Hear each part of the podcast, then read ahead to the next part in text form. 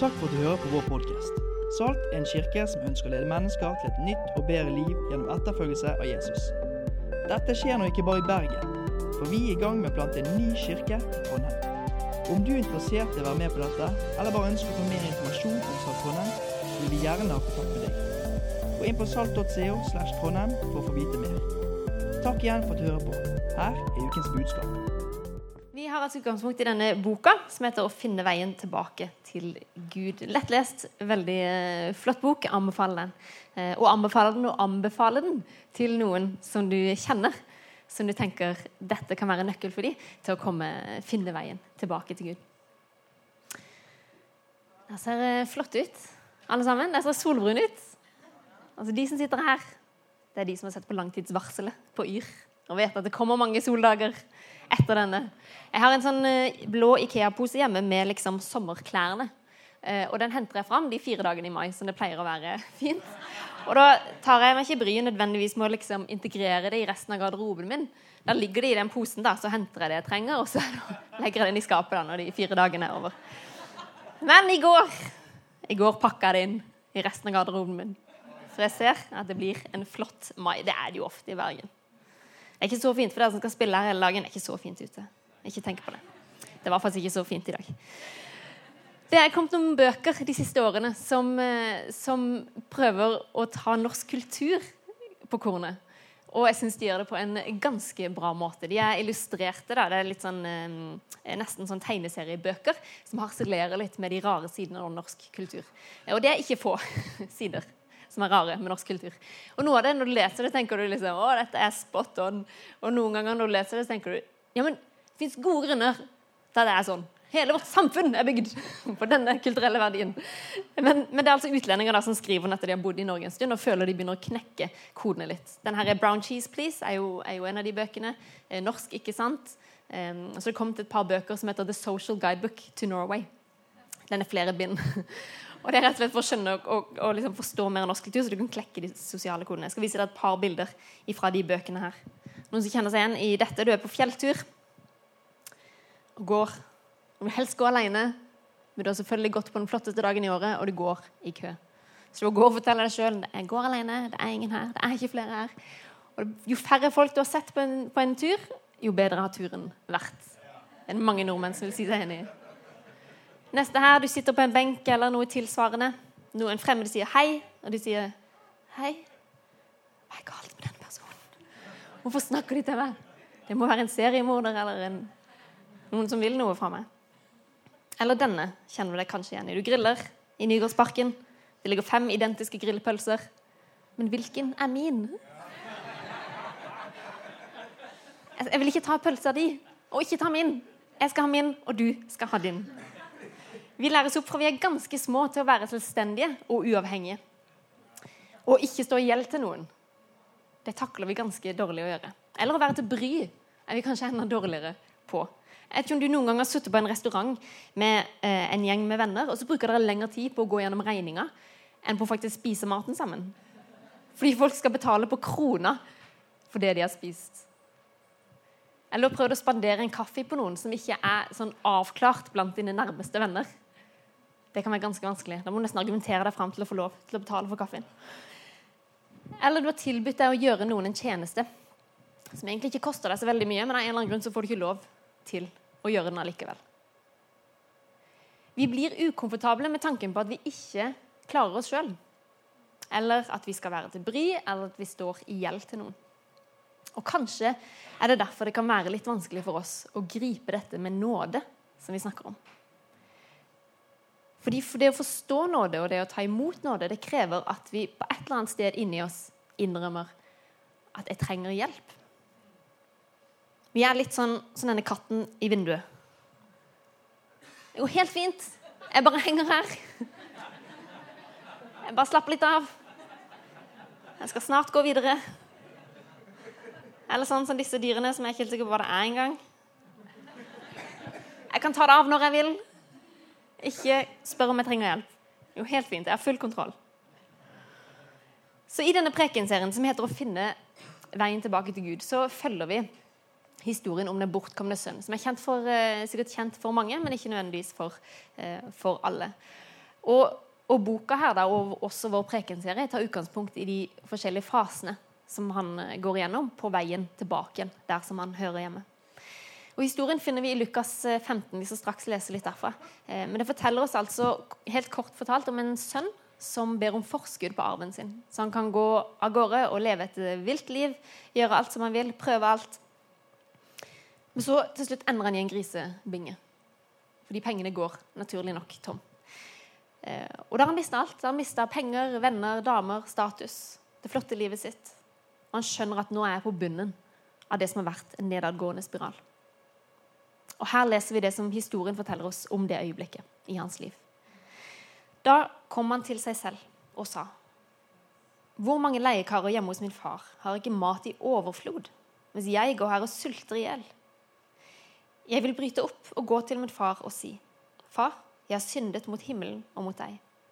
Jeg fortjener ikke lenger å være sønnen din. Men la meg få være som en av leiekarene dine. Dermed brøt han opp og dro hjem til faren. Han skjønner at han trenger hjelp. Valgene som han har tatt i livet Det står ikke noe om hvor lenge han har vært vekke, om det er uker eller måneder eller år. Men de valgene som han har tatt i den tida som han har vært borte, har ført han til et utenkelig sted. Det var ikke dette han så for seg. Og det var ikke sånn det skulle bli. Men det ene har tatt det andre, og så våkner han i en grisebinge. Og Hvis noen hadde sagt til han når han var sånn 12-13 år, at dette øyeblikket kom til å skje, så hadde han fnyst av det. Han sa nei, se på meg. Jeg er fra en rik familie, jeg har flott hus, vi har tjenere, vi har dyr. Jeg våkner ikke opp i en grisebinge. Hvis du hadde sagt det for bare noen uker siden, før dette øyeblikket, så hadde du fått samme reaksjon. Han sitter kanskje der og lever livet. Alle vil være med han. Han er festens midtpunkt kveld etter kveld. Meg ser jeg ut som en type som bor i en grisebinge. Men likevel er det der han befinner seg, kort tid senere. Det er akkurat som han har gått inn i en nesten sånn identitetskoma. Hvor alt på en måte er blitt grått, og han ikke ser helt klart lenger hvem han er, og hva det var han ville. Men så våkner han i det øyeblikket som vi akkurat leste om. Han kommer til seg sjøl, står det. Plutselig ser han klart igjen. Og så skjønner han dette er jo ikke meg. I det øyeblikket så forstår han hvor han egentlig hører hjemme. Han ser avstanden mellom der han befinner seg, og det livet han egentlig er tenkt å ha. Han ser grisebingen, og så ser han det flotte hjemmet hos faren. Og så skjønner han jeg må be om hjelp. Så lager han seg en tale, sant? en sånn unnskyldningstale med til og med et forslag på slutten. Sånn kan vi løse dette uten at noen mister stoltheten sin. Ja, Han mista jo kanskje litt, men Men om vi skal bruke den historien som en metafor for oss sjøl, så kan vi si at alle mennesker har hatt et grisebingeøyeblikk. Kanskje er det et fjernt minne. Kanskje er det ferskt. Men med grisebinge så mener jeg ikke at, at du har hatt et forferdelig liv eller levd skikkelig dårlig Eh, og så hatt en voldsom omvendelse. For noen skjer det, men for de fleste så er det ikke så fullt så dramatisk. Jeg mener den oppvåkningen som sønnen fikk, om at nei, men det er jo ikke her jeg hører hjemme. Er det sånn det skal fortsette? Nei, jeg hører hjemme et annet sted. Jeg trenger noe mer enn meg sjøl. Det er det øyeblikket hvor vi skjønner at det er mye vi kan fikse sjøl, men vårt indre liv, vår ånd, den kan vi ikke puste liv i på egen hånd. Vi kan gå på yoga, vi kan gå på mindfulness-kurs, vi kan løpe triatlon og Norseman. Vi kan mestre alt mulig og ha det koselig, si, ha det koselig kose oss med det.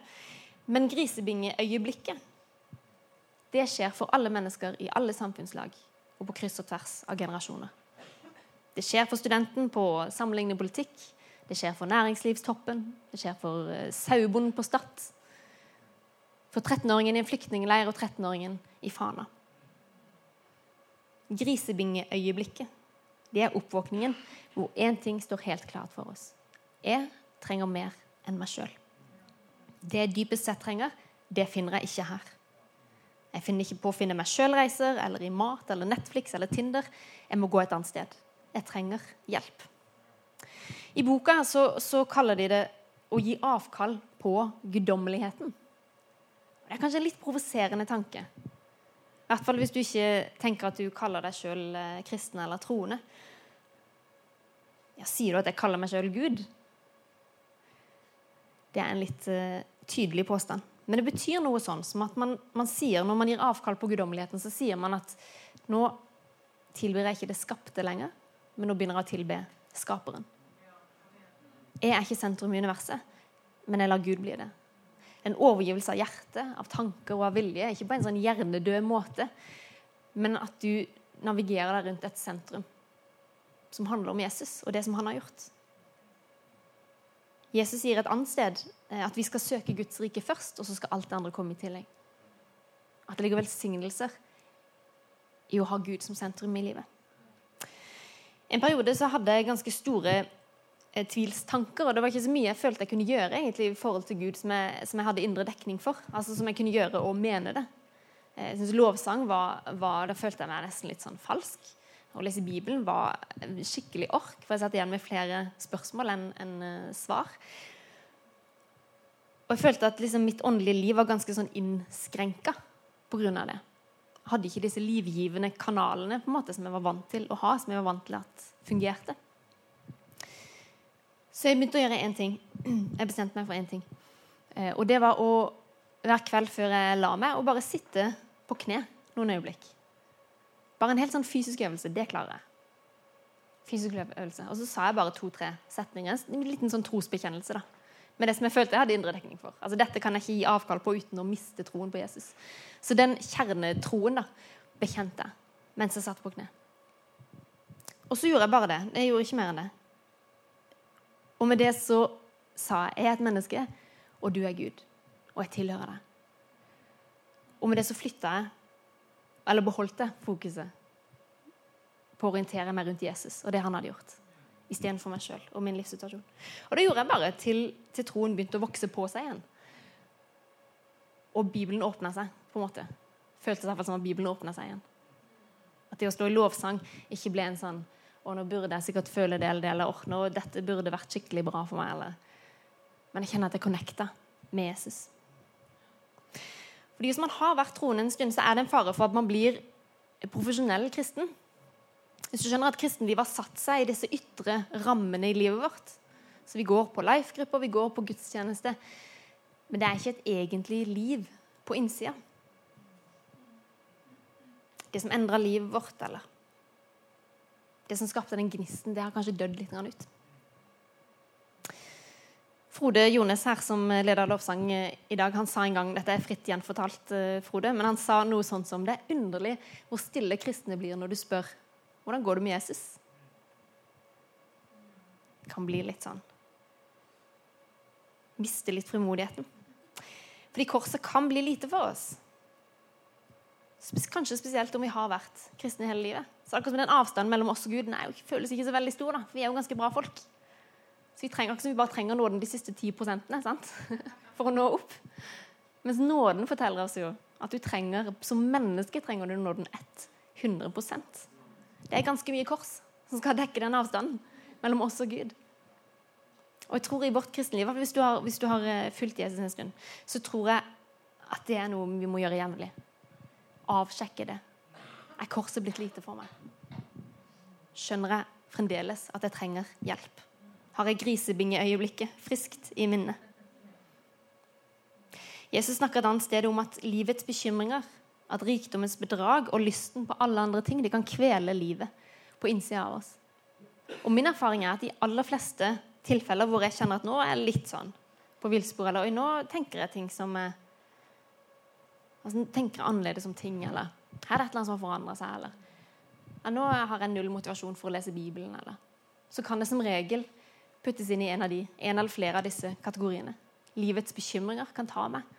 Rikdomsbedrag for oss her i Norge. Jeg tror vi alle mer eller mindre kontinuerlig lever i den illusjonen om rikdomsbedrag.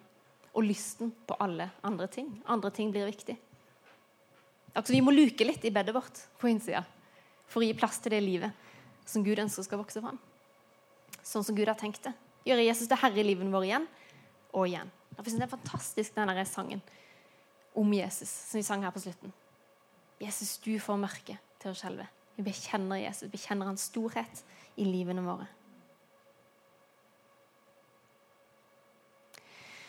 Så vi trenger grisebingeøyeblikkene, og vi forstår at det eneste lure vi kan gjøre nå, det er å vende oss til Gud og be om hjelp. Og Den bortkomne sønnen han sitter i grisebingen og skjønner dette. Jeg trenger hjelp. Jeg er ikke nok. Og da vet han hvor han skal gå. Og det er hjem. Å komme hjem. Da jeg var liten og vi hadde vært på ferie, så var det en helt egen følelse å komme inn døra hjemme. Da hadde huset stått der sant, i tre uker, bare stått og lagra opp sånn lukten av hjemme. Skjønner du hva jeg mener? Så når du låser opp døra, så bare slår det imot deg en sånn lukt av hjemme. Det bare brer seg en sånn ro og trygghet hjemme. Det er her vi hører til. Det var gøy. Alt det vi gjorde i ferien, det var gøy. Men nå er vi hjemme. Luktesansen vår er den sansen som har best hukommelse. Vi kan tenke at det er øynene, sant? for synsinntrykk kan være veldig sterke. Men luktesansen vår den kan huske ting før det visuelle minnet kommer opp. Du merker det når du går inn døra til besteforeldrene dine. Du Har gjort det? Bare kjenn, Her lukter det mormor. Jeg kan gå andre steder og kjenne her lukter det mormor. Du merker når du går inn på en barneskole og lukter av skolemelk. Det bare sitter i veggene. Du merker det når du går ut en sommerkveld og det lukter friskt av blomster og trær. Du får en fornemmelse av at 'her har jeg vært før'. Jeg husker ikke akkurat hva det var, men her har jeg vært før.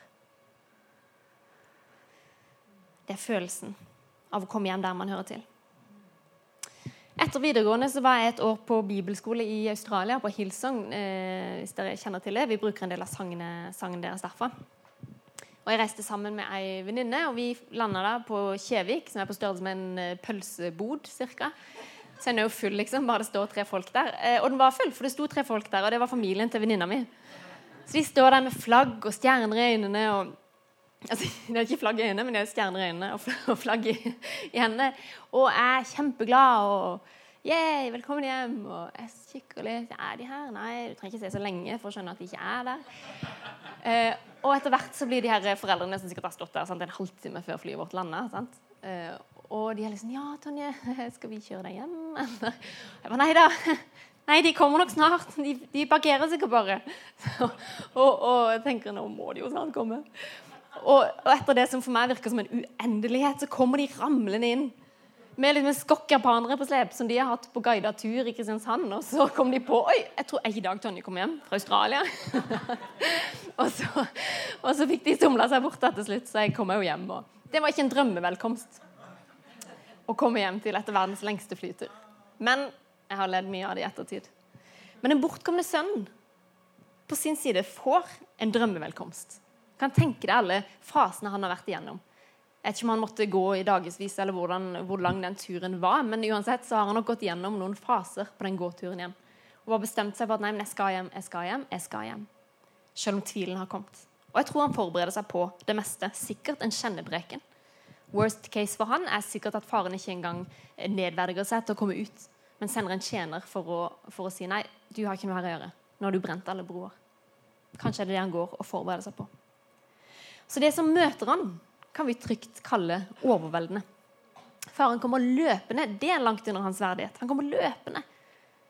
Og det var nokså uventet. Jeg tror han sønnen ble litt sånn Har han et slagvåpen i hendene? Er det trygt? Smiler han? Og det gjør han. Faren kaster seg rundt halsen på henne og kysser han. Og sønnen rekker bare halve unnskyldtalen sin. Han sier den ordrett, iallfall sånn som han har planlagt den men han rekker ikke å tilby seg å være bare tjener før faren begynner å rope ut kommandoer om å slakte et dyr og finne en ring. og Det var skikkelig big deal med den ringen. Det hadde ikke vært min første pri hvis uh, ungen hadde kommet igjen. Finn ringen! Men det hadde nok en sånn uh, kulturell signifikans. da. For å vise at nå er det fest. Og alle murene som hans sønn har bygd opp da, på å forberede seg på en tilværelse som i praksis nok blir litt isolert fra faren, for han ser for seg at han skal tjene i det huset. I beste fall sant? så skal han få lov til å være tjener i det huset.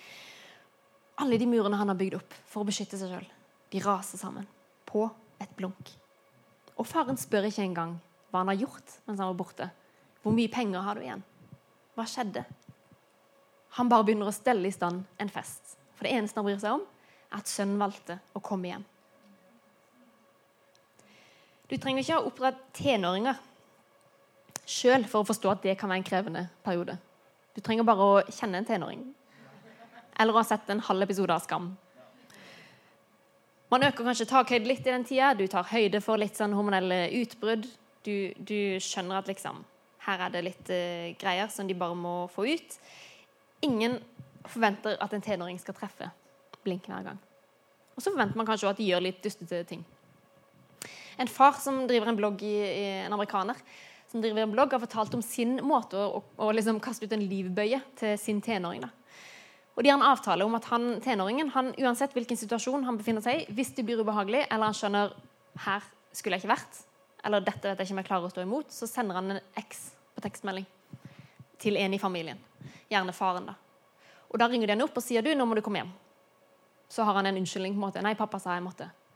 Eh, eller så kommer de bare og henter han. Og Da er avtalen at når han kommer i bilen, så er det ingen som har lov til å spørre hvordan i huleste havna du i denne situasjonen. Hvorfor tok du det idiotiske valget der? Hvorfor ble du med de folka der? Du vet bedre. Ingen spørsmål. Så er han fri til å fortelle hvis han vil. Men avtalen bygger på én en enkel verdi. Når du vil ut av en situasjon, så er det meg du kontakter. Det betyr ikke noe at du tok et dårlig valg. Det som betyr noe, er hvor du ber om hjelp. Du setter deg ikke inn i en bil med hvem som helst. Du ringer faren din. Frykten for å få kjeft skal ikke holde deg tilbake. Frykten for å bli ydmyka skal ikke holde deg tilbake. Men den tryggheten om hvor du hører hjemme, og aksepten du vil møte, det skal være styrende for de valgene du tar når du først har mottatt det til. Det er ingen som forventer perfekte liv fra tenåringen sin, men alle forventer at den skal komme hjem på et eller annet punkt. Og sånn er det med Gud. Han forventer ikke at livet vårt skal være en sånn evig økende spiral av mestring til det blir perfekt. Men han forventer at vi vet hvor hjemmet er når det går på trynet. At det er der vi, dette er der vi vender oss. Vi vender oss hjemover eller oppover. Og ikke utover mot all slags greier her ute som kan døyve den indre smerten. Og rette opp selvbildet vårt eller rette opp identiteten vår. Og da henger han seg ikke opp i dårlige valg som vi kan ha tatt. Eller at vi burde visst bedre. Fordi gleden over at vi har kommet hjem, den overskygger alt. Og det gjelder både om man ikke kaller seg kristen eller troende, eller bare litt sånn, snuser litt på dette med Jesus og, og livet med han. Og så gjelder det òg for de som kaller seg kristne. De som kaller seg troende. Og som går med Jesus. For det kan være mange faser i et kristenliv òg. I et langt liv i etterfølgelse av Jesus er det mange faser. Og i hver fase som kan være høy eller lav, eller et sted midt imellom, så kan vi velge å vende oss til Gud. Velge å alltid komme hjem. Som den tenåringen. Sende en eks. OK, nå blir det litt dumt her. Jeg skjønner ikke helt hvordan jeg havna i denne situasjonen, men jeg vet hvor jeg hører hjemme. Og det er der jeg går nå.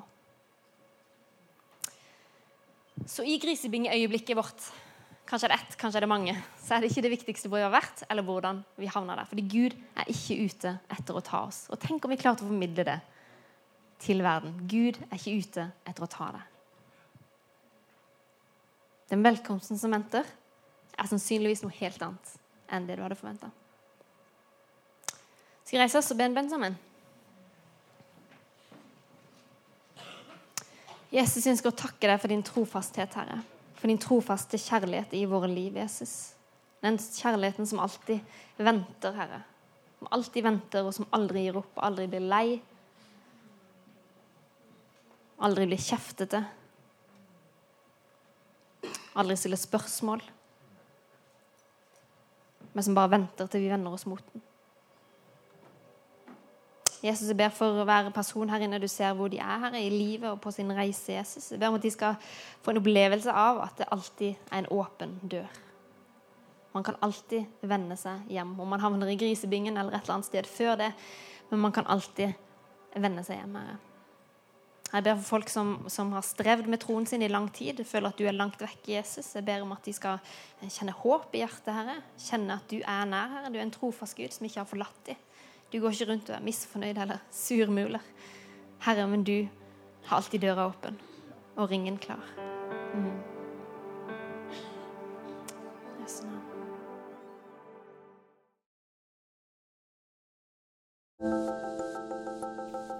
Takk for at du lyttet til podkasten til Salt. For å høre flere, besøk oss på saltbergen.no.